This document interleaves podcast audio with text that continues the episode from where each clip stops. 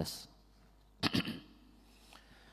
Alhamdulillah wassalatu wassalam ala rasulillah wa ala alihi wa sahbihi wa man tabi'ahum bi ihsanin ila yaumidin amma ba'd.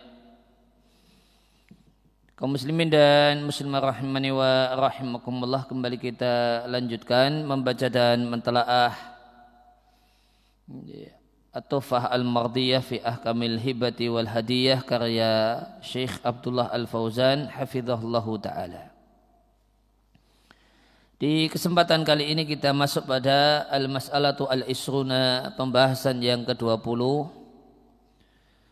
hukum qabdil ummi al-hibata li waladiha. Hukum seorang ibu yang memegang harta yang dihibahkan untuk anaknya. Maka ini sebagaimana banyak kita jumpai di kasus di bulan Ramadan, eh, di bulan di hari-hari Lebaran, anak dapat eh, hadiah uang dari tetangga, dari kerabat, kemudian yang nyimpen ibunya. Ini apa hukum hal ini? Idza wuhiba sabiyin jika anak kecil mendapatkan hibah atau diberi hadiah atau diberi sedekah. Maka dirinci yang pertama ingkana mumayyizan jika dia sudah tamyiz. Dengan parameter sebagian atau mayoritas para ulama parameternya sudah genap tujuh tahun atau lebih dengan menggunakan kalender hijriyah. Maka soha qabduhu li nafsihi, maka boleh baginya menyimpan, menerima uang tersebut untuk kepentingan dirinya.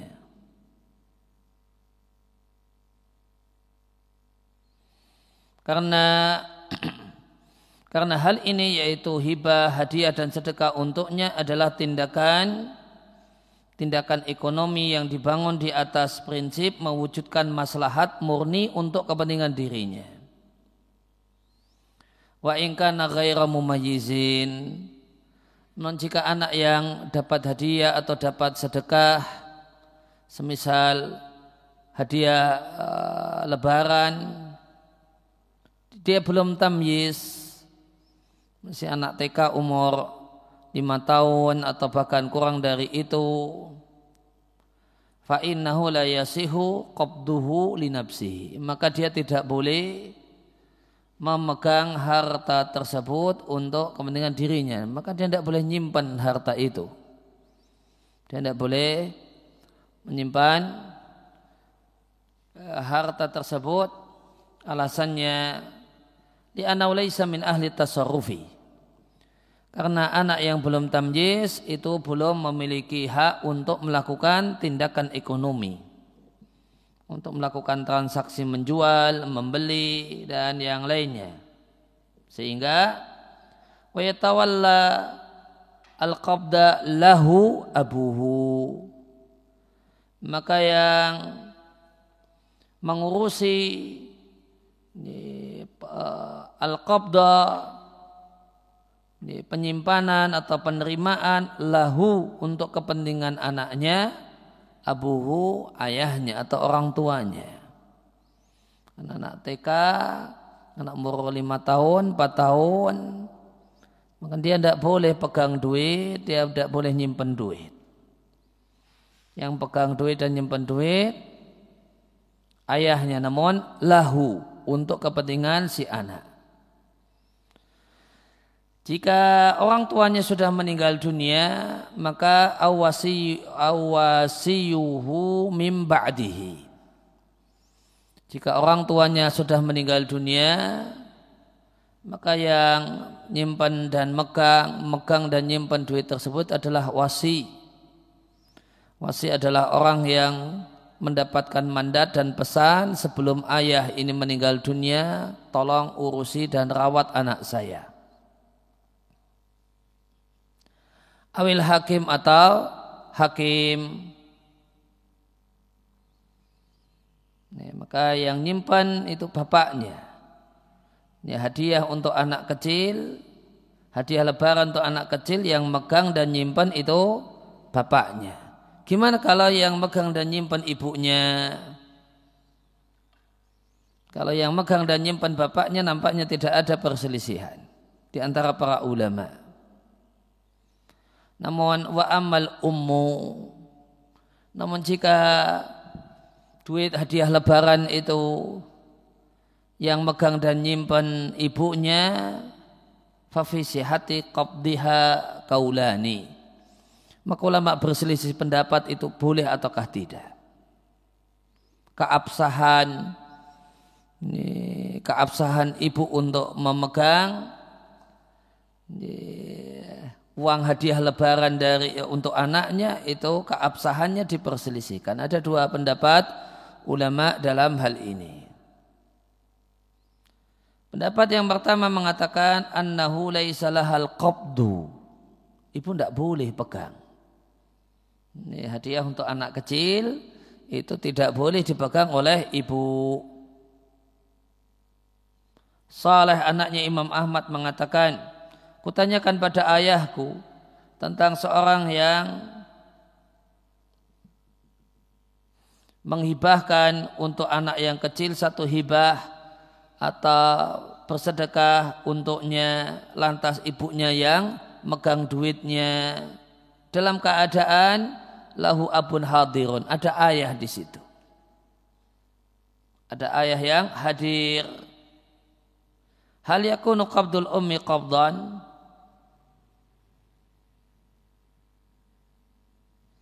apakah apa ketika ibu itu yang menerimanya, yang memegangnya, maka itu sudah itu itu legal.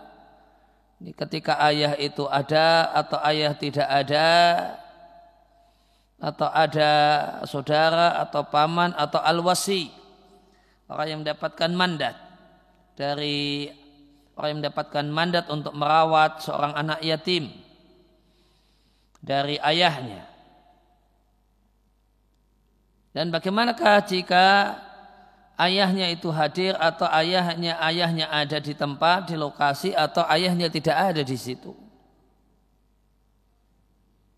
Maka jawaban Imam Ahmad rahimallahu taala la a'rifu al umma yakunu laha qabdun. Saya tidak mengetahui alasan untuk melegalkan ibu memegang harta yang dihadiahkan kepada anak kecilnya. Kata Imam Ahmad, wala yakunu ilalil abi. Duit lebaran yang dihadiahkan kepada anak kecil itu tidak boleh dipegang kata Imam Ahmad kecuali oleh ayahnya. Tidak boleh dipegang dan disimpan kecuali oleh ayahnya. Dan ini adalah pendapat Malikiyah dan mereka beralasan bahasanya memegang harta itu memerlukan wilayah, memerlukan otoritas. Sedangkan ibu tidak memiliki otoritas untuk menyimpan harta anaknya.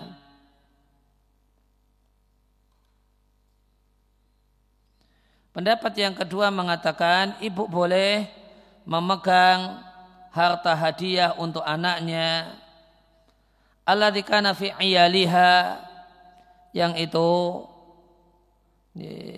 yang itu adalah anak yang ada dalam pengurusannya, pengasuhannya.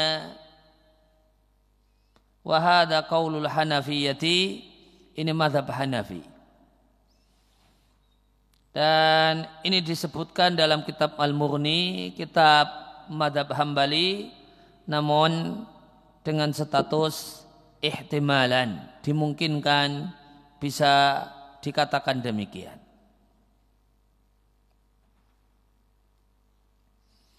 Mereka beralasan bahasanya anak ketika dalam perawatan dan pengasuhan ibunya, maka ibu itu memiliki satu jenis otoritas terhadap anaknya. Karena ibu ini yang berperan menjaga anak dan menjaga hartanya. Wahadal qadar minal wilayati dan otoritas dengan kadar ini itu sudah cukup liqabdil hibati untuk mensahkan ibu memegang dan menyimpan harta hibah untuk anaknya. Kesimpulan dari penulis dan pendapat yang kedua ini inilah pendapat yang lebih kuat. Lasiyama lebih-lebih lagi ketika tidak ada ayah karena ayahnya kerja di luar kota atau tidak ada di tempat. Demikian juga tidak ada orang-orang yang tadi disebutkan. Saudaranya ditanyakan yang ditanyakan pada Imam Ahmad tadi pamannya gitu. Di anal hajata da'iyatun karena kebutuhan mendorong untuk berpendapat sahnya ibu memegang harta hibah untuk anak dalam kondisi semacam ini. Karena fa'inat sabiyya karena anak kecil qad yakunu fi makanin boleh jadi dia berada di satu tempat, tidak ada hakim di sana. Atau posisinya jauh. Atau bahkan hakimnya tidak ngurusi sebagaimana kondisi di masyarakat kita. Walaisalahu abun wala wasi. Boleh jadi dia adalah anak yatim sehingga dia tidak punya ayah dan ayahnya juga tidak punya tidak meninggalkan wasi. Dan dia adalah anak kecil yang fakir. Lagi nabihi anis dia membutuhkan sedekah. Terjemah bebasnya adalah lagi nabihi anis dia membutuhkan harta sedekah. Terjemah talaknya tidak rina itu tidak membutuhkan. Tidak tidak membutuhkan harta sedekah. Artinya membutuhkan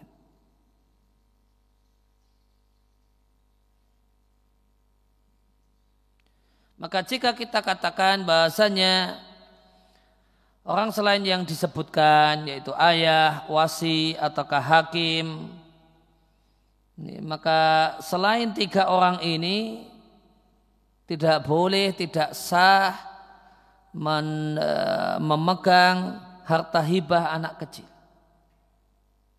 Ibunya tidak boleh.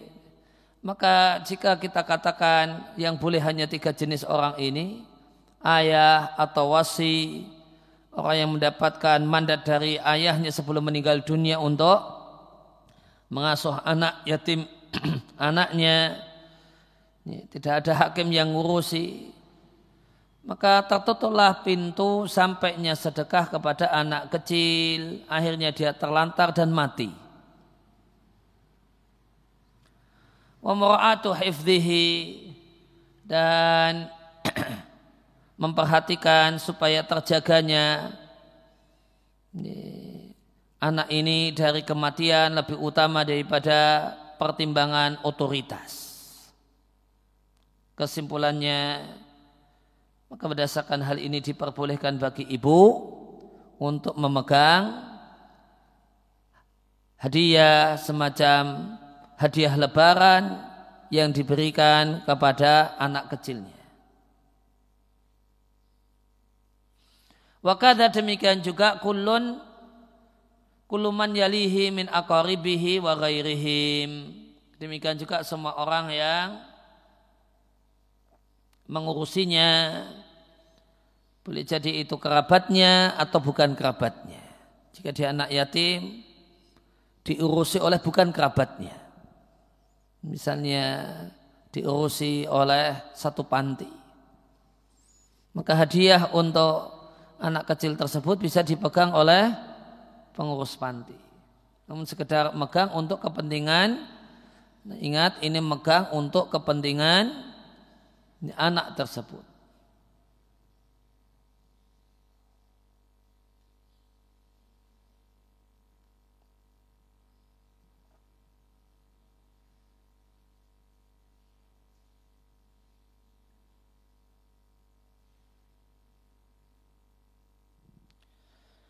Hada demikian dan di antara di, antara keterangan dan informasi yang bisa ditambahkan lihadil mas'alati untuk permasalahan ini ada seorang ulama namanya Burzati dan dia ada di antara ulama yang menukil banyak informasi dari Imam Ahmad dan mengatakan aku bertanya pada Imam Ahmad tentang seorang laki-laki yang meninggal dunia dalam keadaan meninggalkan anak-anak yang masih kecil-kecil. Dan dia tinggalkan untuk anak-anaknya harta yang banyak. Dan anak-anak ini masih punya ibu. Maka istri dari laki-laki ini masih ada. Jadi dia dia yatim. Ataralaha antakula mimalihim apa pendapatmu? Apakah si ibu itu boleh memakan dari harta anaknya? Maka setelah ini meninggal dunia, mestinya ada bagi waris. Ini ada bagi waris. Anggap aja hak ibu seperdelapan, tujuh per delapan menjadi hak anak karena ada anak laki-laki di situ. Bolehkah si ibu ini ikut menikmati tujuh per delapan hmm, yang merupakan harta anak-anaknya.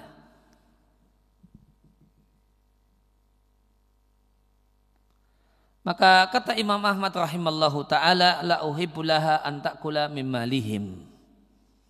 Saya tidak suka, saya tidak sepakat jika perempuan tersebut memakan sebagian dari harta anak-anaknya ingkan malun jika perempuan ini punya harta. Dia sudah punya jatah seperdelapan. Dan seperdelapan itu cukup banyak. Maka dia tidak boleh ngotak atik tujuh per delapan. Dia tidak boleh ngotak atik tujuh per delapan. Dia kalau dia punya harta yaitu seperdelapan dari warisan suaminya, ya itu saja yang dia pakai. Tanpa ngotak ate, tujuh per delapan kata Imam Ahmad. Lantas penanya mengatakan, Innaha bahasanya sang ibu itulah yang mencukupi anaknya. Dan mengasuh anaknya. Watakumu alihim dan ngurusi anaknya. Apakah tetap tidak boleh bagi si ibu untuk memakan harta anaknya? Atau sebagian dari harta anaknya? Jawaban Imam Ahmad tetap kekeh, la, tidak boleh. Jawaban Imam Ahmad tetap kekeh, tidak boleh illa min daruratin wahajatin. Kecuali kondisinya darurat, ibunya tidak punya harta yang bisa dimanfaatkan, ya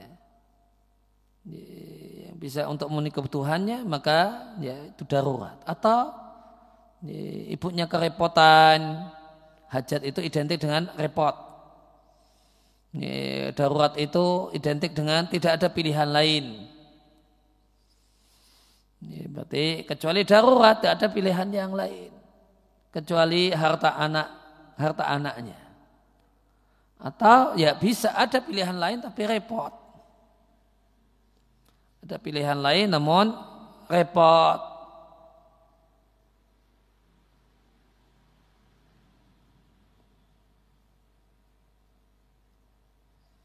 Wala tajidu ila dalika dan dia tidaklah menjumpai kecuali itu harta anaknya atau solusinya tasiru ilal hakimi.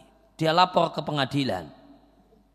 Ibu ini lapor ke pengadilan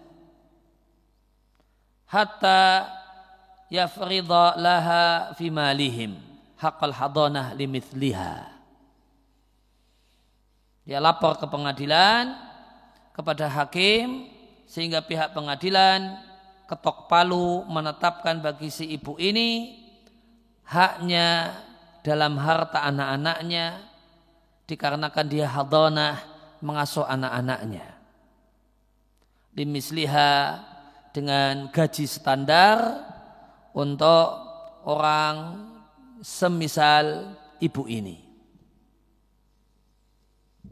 Kata Imam Ahmad ya kalau mau punya hak yang jelas lapor ke pengadilan dan minta kepada pengadilan berapa hak saya karena ngurusi anak-anak ini. Saya yang kemudian nyuapi, saya yang mandikan, saya yang macam-macam, saya yang mengasuh mereka karena uh, ayahnya telah meninggal dunia. Berapa hak saya dalam harta uh, anak yatim ini? Dengan kesibukan saya semacam ini limit liha dengan kesibukan semisal kesibukan wanita tersebut untuk mengasuh anak-anaknya.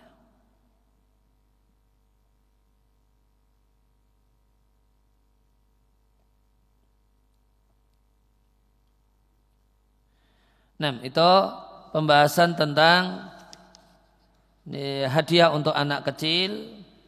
Maka jika semacam hadiah lebaran, maka jika yang megang dan nyimpan itu bapaknya, maka jelas boleh, jelas sah. Namun jika yang nyimpan yang megang dan nyimpan ibunya, ulama berselisih pendapat. Pendapat yang ada dua pendapat dalam hal ini antara Malikiyah dan Hanafiyah. Kalau Malikiyah mengatakan tidak boleh, dan ini pendapat Imam Ahmad. Ini pendapat Imam Ahmad Ibunya tidak boleh megang dan tidak boleh nyimpen. Nih. Sedangkan madhab Hanafi membolehkannya. Dan ini yang di, dinilai kuat oleh penulis Syekh Abdullah Al-Fauzan. Kemudian pembahasan berikutnya hibatus sawab tentang hibah atau hadiah dan pemberian yang ada maksudnya maksudnya ada maksud kompensasi yang ingin didapatkan dari pemberian tersebut.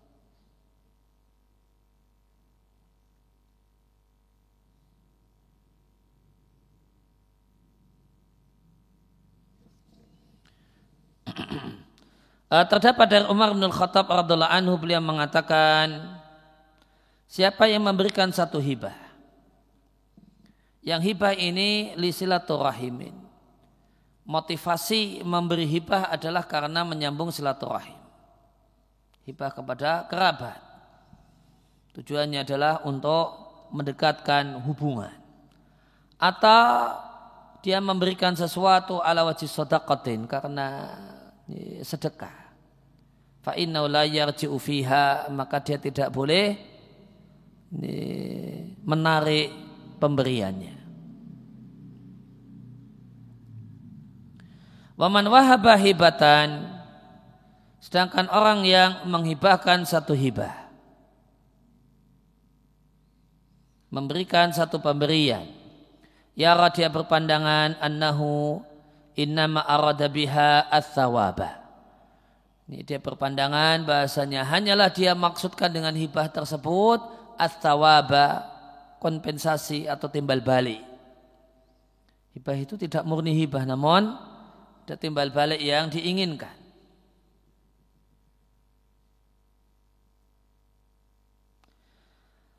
Maka yarji'u fiha. Dia boleh menarik hibah dan pemberiannya. Idalam yurda minha jika dia tidak uh, diridai dari hibah tersebut tidak disenangkan dari dan karena hibah tersebut. Perkataan Umar ini dikeluarkan oleh Malik dalam Muwatta. Eh, wahadal asar lahu turqon dan memiliki banyak jalur. Wakat ruya mauqufan wa ruya marfu'an. Ada versi mauquf perkataan Umar. Ada versi marfu sabda Nabi namun versi marfu itu tidak benar. Yang benar bal aswabu waqfuhu. Yang benar ini mauquf perkataan Umar.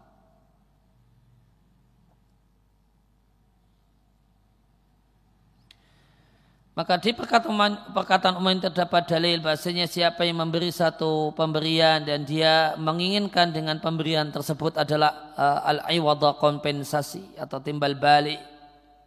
Maka tidak boleh tidak dia harus diberi dan mendapatkan kompensasi atau hibah dikembalikan kepadanya.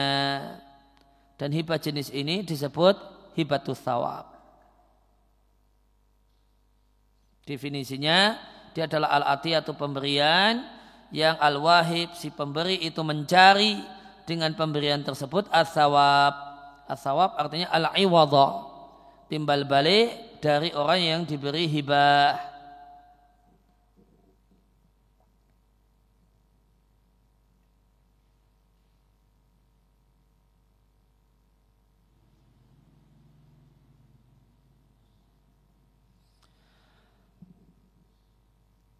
Fa'in u'tiya anha ma yurdiyahu maka jika dia diberi anha dikarenakan hibah yang telah dia berikan apa yang dia senangi ya sudah. Wa ila jika tidak maka pemberi hadiah itu boleh menarik hibah dan pemberiannya. Dan ini berbeda dengan hibah yang murni hibah. Wayallati li mahdis sawabil ukhrawi itulah hibah yang murni untuk balasan akhirat ma'a diiringi niat menguatkan ikatan rasa cinta. Maka tidak boleh dibatalkan dan ditarik hibah tersebut setelah diterima oleh penerima.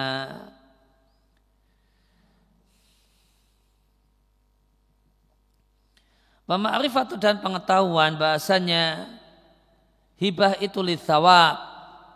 Untuk mendapatkan kompensasi itu diketahui bil qara'in diketahui dengan indikator wal urf dan budaya wal adat dan kebiasaan.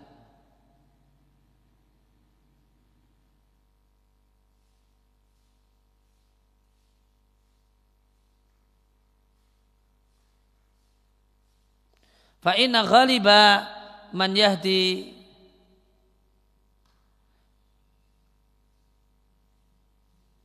maka mayoritas orang yang memberikan hibah atau hadiah kepada penguasa atau orang kaya dan semacam itu hanyalah mereka menginginkan darinya al-iwadha timbal balik.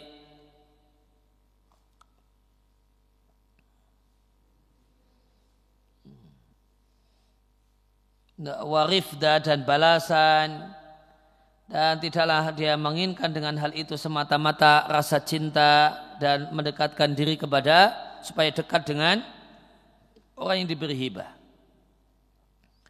Wahada nau minal hibati dan hibah jenis ini statusnya seperti jual beli. Karena hakikatnya ini adalah tamlikun, memindahkan kepemilikan atas harta bi'iwadin dengan menginginkan timbal balik hanya saja dengan redaksi hibah. Fatakhudu ahkamal bai'i. Maka dia berlaku padanya hukum jual beli.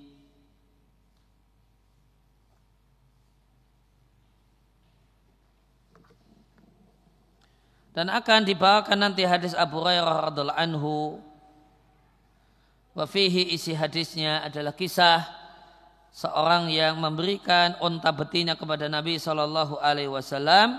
Lantas Nabi memberikan uh, timbal balik dan kompensasi sampai dia senang. Maka Nabi Shallallahu Alaihi Wasallam mempertimbangkan mempertimbangkan maksud si pemberi hibah, yaitu dia menginginkan kompensasi maka Nabi berikan apa yang dia inginkan sampai Nabi membuatnya senang. Dan ini adalah bagian dari akhlak mulia. Wa aula dan ini adalah lebih baik dibandingkan menolak hadiah.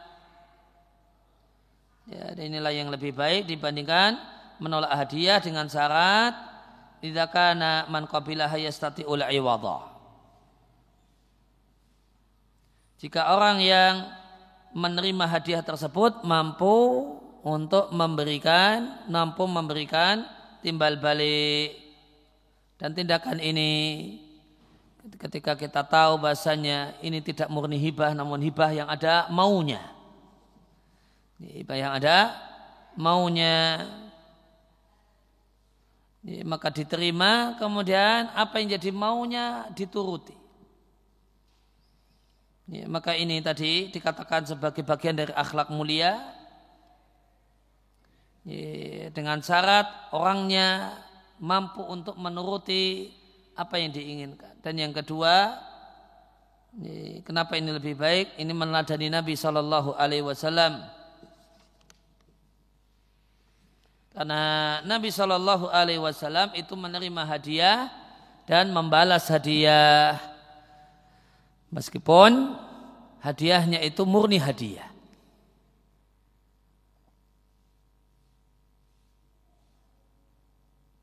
Akan tetapi jika pemberi hadiah itu orang yang rakus. Dia tidak senang kecuali manakala timbal baliknya adalah sesuatu yang banyak yang ini merugikan orang yang diberi hadiah atau Orang yang diberi hadiah tidak mampu memberikan kompensasi karena dia fakir. Maka tidak mengapa jika dia tolak hadiah tersebut. Wal kaulu dan pendapat yang mengatakan bahasanya pemberi hibah boleh rujuk. Rujuk di sini artinya menarik, membatalkan. Dia boleh menarik dan membatalkan hibahnya jika hibahnya tidak diberi kompensasi ini adalah pendapat Ibrahim An-Nakhai, Sufyan Ats-Tsauri, Ishaq bin Rahuya, wa ashabur ra'yi berarti Hanafiyah dan Ibnu Jarir atau Bari. Istidlalan berdalil dengan asar dari Umar radhiallahu anhu dan yang lain.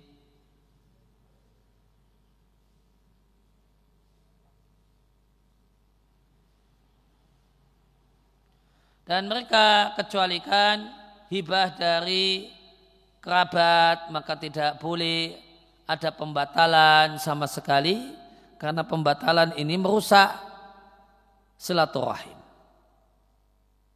Sedangkan Imam Ahmad dalam pendapat yang terkenal, kemudian Imam Syafi'i dan Abu Thawr berpendapat la ruju'a fil hibati mutlaqa.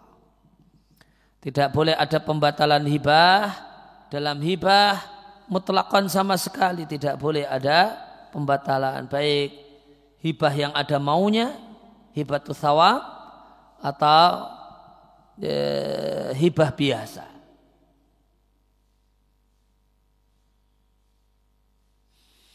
Maka tidak boleh ada pembatalan meskipun pemberi orang yang diberi hibah tidak membalas hibah tersebut sebagaimana yang diinginkan oleh pemberi hibah.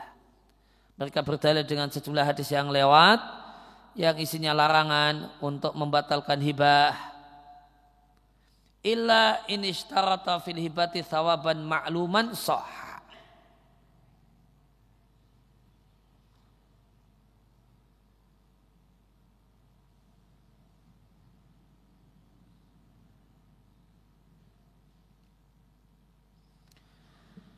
Eh,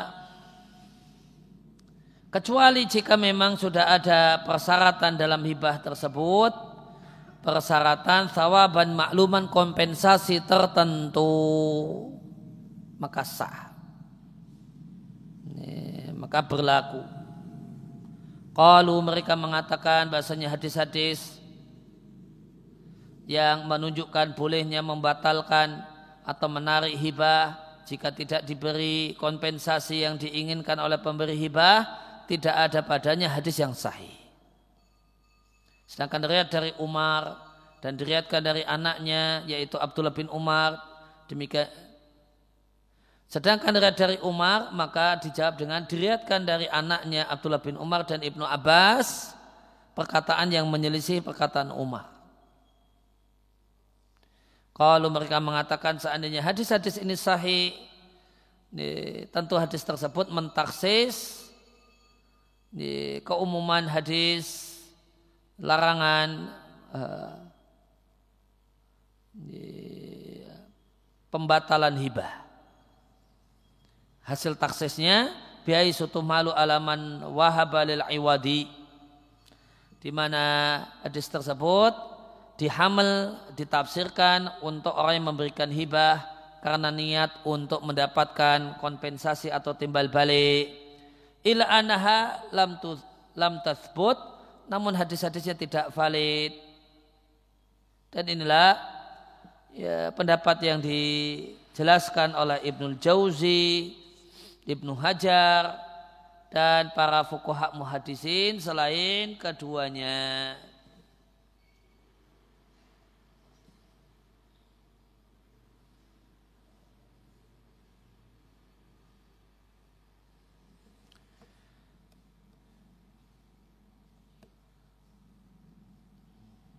Ya, ringkasnya bahasanya ada perselisihan ulama dalam masalah hibatu thawab, hibah yang ada maunya, gimana kalau maunya tidak terwujud. Ya, maka di antara pendapat yang uh, di antara pendapat yang cukup kuat dalam masalah ini uh, adalah pendapat yang mengatakan ya kalau hibah itu adalah hibatu thawab hadiah yang ada maunya kemudian maunya itu tidak terwujud. Ya, maka boleh bagi pemberi hibah untuk menarik hibahnya dan membatalkan pemberiannya.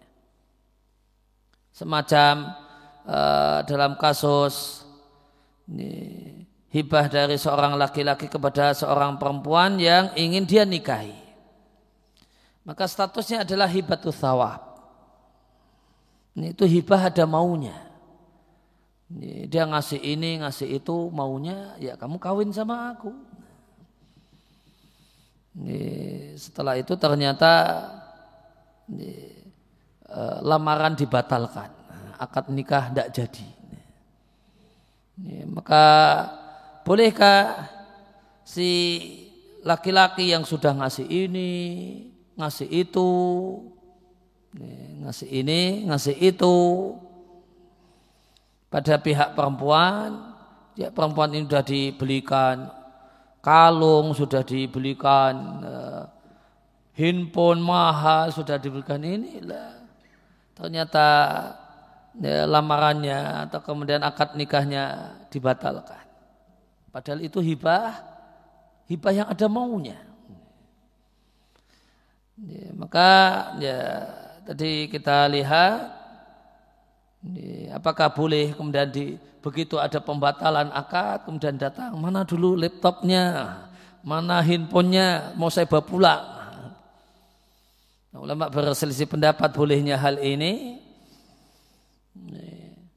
Jadi ashabu ra'i yaitu Hanafiyah membolehkannya. Membolehkannya.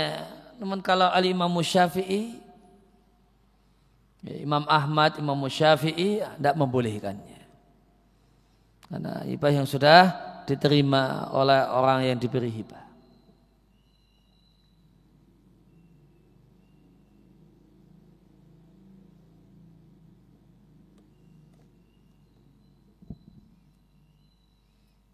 Dan tadi yang kita baca kalau menurut Imam Ahmad, Imam Syafi'i, seperti itu tidak boleh kecuali jika ada persyaratan di awal. Ila ini syarata fil hibati thawaban ma'luman. Kecuali sudah ada kontrak. Kalau kamu jadi mau nikah denganku, jadi nikah denganku. Nah ini kamu minta apa saya kasih. Atau tanpa minta saya beri ini, beri itu, beri itu.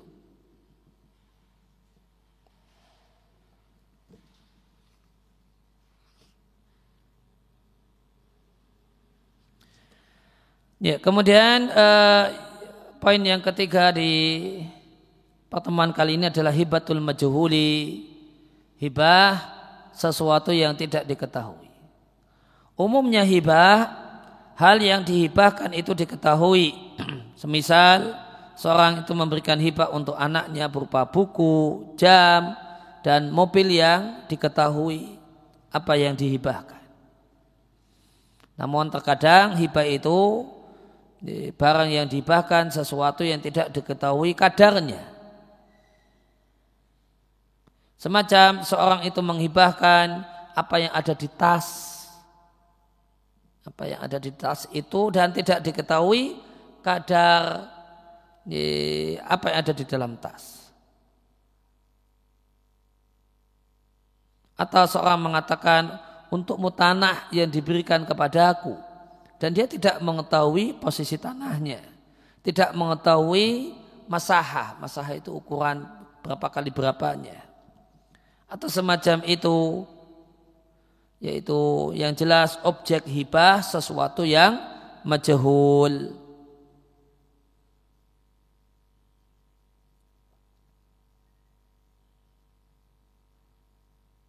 Para ulama berselisih pendapat dalam masalah ini. Hibah majhul. Ala kaulain ada dua pendapat.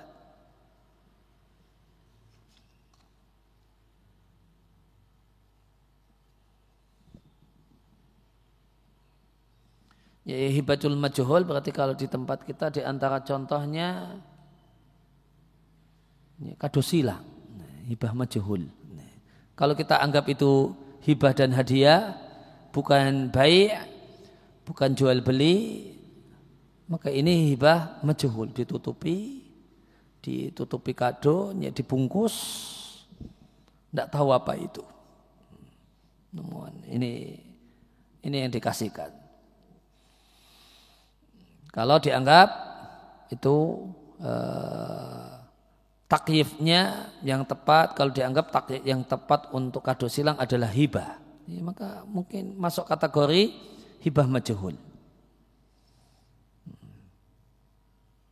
Nah para ulama berselisih pendapat dalam masalah ini ada dua pendapat. Pendapat yang pertama mengatakan sahnya hibah majhul.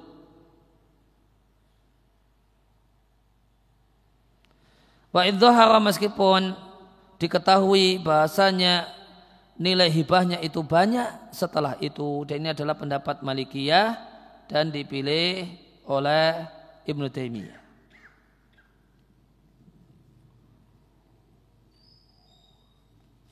Mereka berdalil dengan hadis Amr ibn Shu'aib dari ayahnya yaitu dari Shu'aib anjadihi dari kakeknya yaitu kakeknya Shu'aib bukan kakeknya Amr namun dari kakeknya Shu'aib dan kakeknya Shu'aib adalah Abdullah bin Amr ibn Al-As sahabat Nabi. Dalam kisah utusan Bani Hawazim dan permintaan mereka kepada Nabi Shallallahu Alaihi Wasallam, suku Hawazin mengajukan permintaan agar ya, dulu tawanan dulu tawanan tawanan mereka tawanan yang Nabi tawan dari suku Hawazim dipulangkan. Demikian juga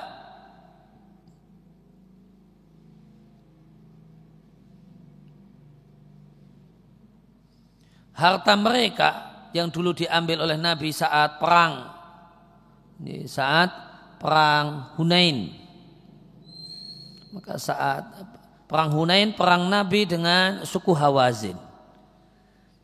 Nabi pada akhirnya kemudian ada sejumlah tawanan yang Nabi ambil dan harta yang Nabi ambil.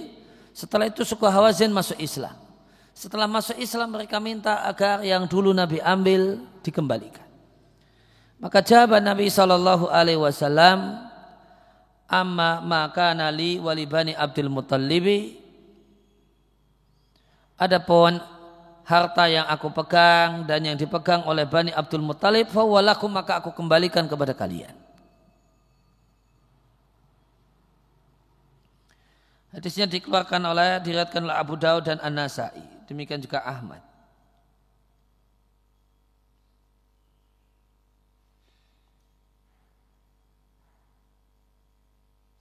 Wahada sanadun hasanun sanadnya hasan sebagaimana kata Ibnu Abdul Hadi di kitabnya At-Tangkih. Sisi pendalilannya bagian Nabi dan bagian Bani Abdul Muttalib itu tidak jelas. Nabi tidak mengetahui kadarnya saat Nabi menghibahkannya. Sebagaimana mereka berdalil bahasanya transaksi tabaruat, transaksi sosial, itu ketidakjelasan dalam transaksi sosial itulah taduru tidak masalah, tidak membahayakan.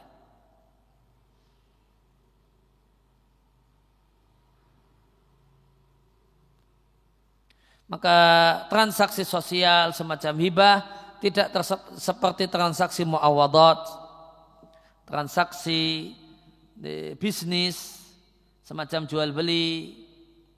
Karena orang yang diberi hibah itu adalah orang yang mustafidun, orang yang mengambil faedah atau orang yang mendapatkan faedah dan keberuntungan dia dapatkan lahu hasilun itu dia dapatkan dalam bentuk apa pun.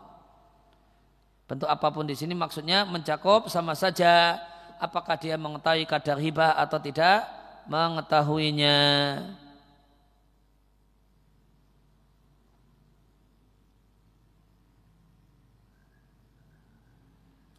Pendapat yang kedua mengatakan hibah majhul tidak sah. Ini pendapat ini madhab Hanafi, ini pendapat Hanafiyah, Syafi'iyah, Hanabila, tiga madhab. Tiga, madhab selain Malikiyah. Demikian juga Zahiriyah. Ila akan tetapi Hanabilah memberikan persyaratan majuhul yang terlarang untuk dihibahkan adalah barang yang tidak memungkinkan untuk diketahui.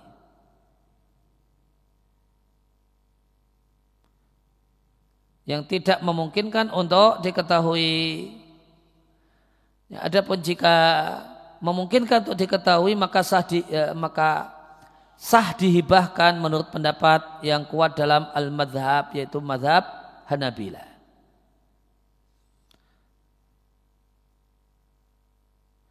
Mereka beralasan kenapa hibatul majhul tidak sah mengkiaskan hibah dengan jual beli. Sehingga mereka menganut kaidah semua yang sah diperjualbelikan sah dihibahkan. Dan yang tidak sah diperjualbelikan tidak sah dihibahkan. Dan contoh yang tidak memungkinkan untuk diketahui manakala hartanya bercampur dengan harta orang lain dalam bentuk tidak diketahui berapa jumlahnya dan tidak bisa dibedakan bendanya. Fayaku lantas dia katakan Wahab tuka mali kuhibahkan kepadamu hartaku yang bercampur dengan hartamu. Nah ini contoh mata adara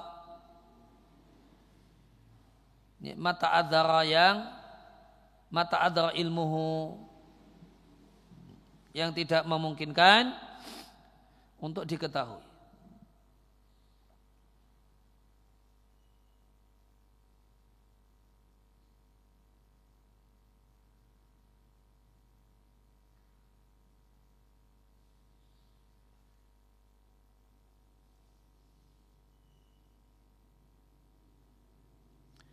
Kemudian kesimpulannya waladhi yadhar dan pendapat yang kuat wallahu a'lam adalah pendapat yang mensahkan hibah majuhul likuati karena kuatnya sisi alasan atau dasar pendapat ini. Dan yang lebih hati-hati fi haqqil wahibi untuk orang yang memberikan hibah supaya dia tidak mengalami penyesalan atau hatinya kepikiran dengan apa yang dihibahkan Allah yahiba syai'an tidaklah menghibahkan sesuatu kecuali dia telah mengetahui kadarnya. Wa yakunu al-jahlu al-murtafar sehingga ketidaktahuan yang dimaafkan dalam hibah adalah ketidaktahuan orang yang diberi hibah bukan orang yang memberi hibah. Orang yang memberi hibah hendaknya dia tahu supaya tidak menyesal dan supaya tidak ta'aluk kepikiran. Sudah dihibahkan kemudian kepikiran.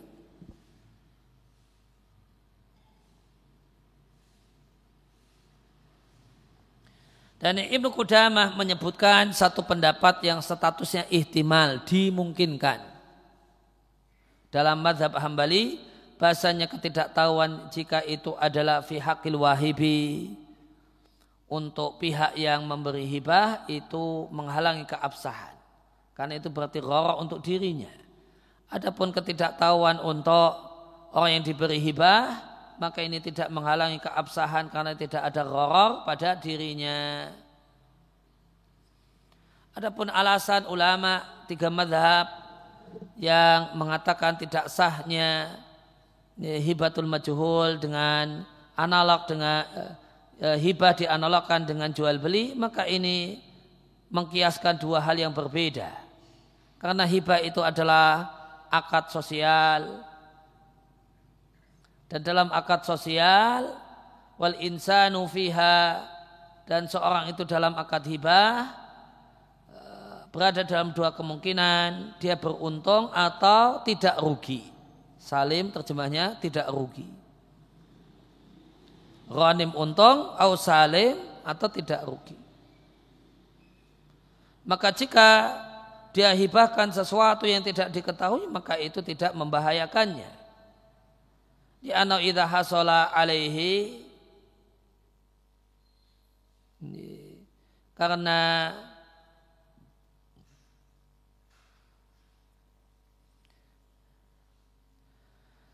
Eh, li'anau in hasala alaihi maka jika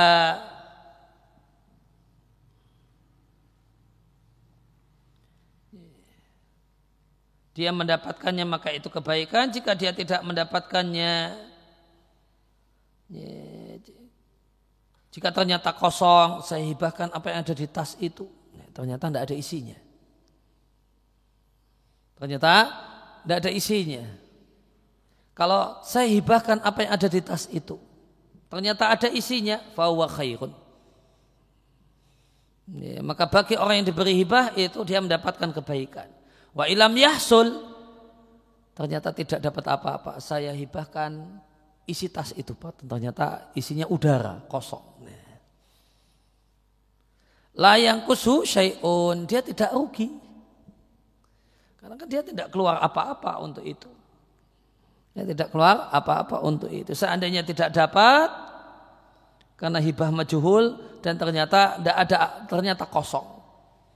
Saya hibahkan untukmu duit yang ada di kantong saya. Ternyata tidak ada duitnya.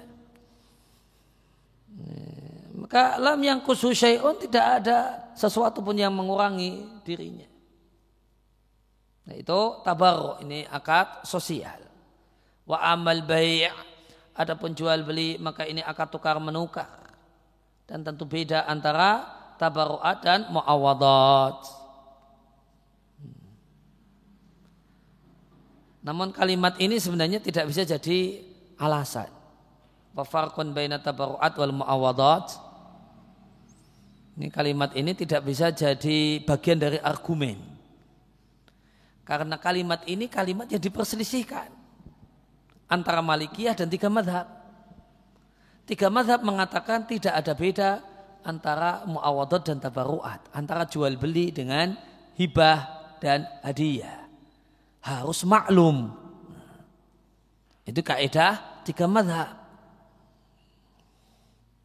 Sedangkan ini kaidah Malikiyah yang ini didukung oleh Ibnu Taimiyah beda antara tabaruat dengan muawadat. Kalau kalau kalau akad muawadat akad bisnis semacam jual uh, jual beli harus maklum harus diketahui objeknya. Namun kalau akadnya akad sosial maka objeknya tidak diketahui tidak masalah. Jadi sebenarnya wafarkon baina tabaruat wal muawadat itu kalau dalam diskusi khilaf ini tidak menjadi bagian dari argumen. Ini tidak menjadi bagian dari argumen karena kalimat ini diperselisihkan. Nah ini yang diperselisihkan kok. Ini yang diperselisihkan antara tiga madhab, antara jumhur, tiga madhab dengan malikiyah. Malikiyah membedakan uh, antara tabaru'at dan muawadat harus semaklum harus diketahui kalau untuk muawadot untuk transaksi bisnis semacam jual beli namun tidak mengapa tidak diketahui kalau untuk transaksi sosial. Ini, ini dibedakan sedangkan tiga madhab tidak membedakannya. Ya, demikian yang kita kaji kesempatan kali ini tiga poin pembahasan.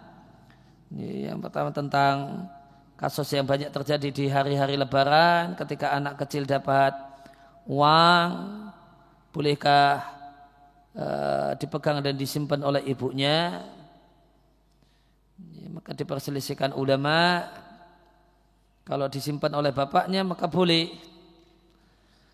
Kemudian pembahasan tentang hibatul thawab hibah namun ada maunya. Kemudian apa yang jadi mau pemberi hibah dan hadiah itu uh, tidak terwujud. Apakah boleh menarik pemberiannya ataukah tidak kemudian hibatul majhul uh, goror dalam hibah ketidakjelasan dalam hibah apakah itu sah ataukah tidak. Ya demikian. Sallallahu ala nabiyina Muhammadin wa ala alihi wa sahbihi wa akhiru da'wana alhamdulillahi rabbil alamin. Subhanaka allahumma wa bihamdika asyhadu an la ilaha illa anta astaghfiruka wa atubu ilaik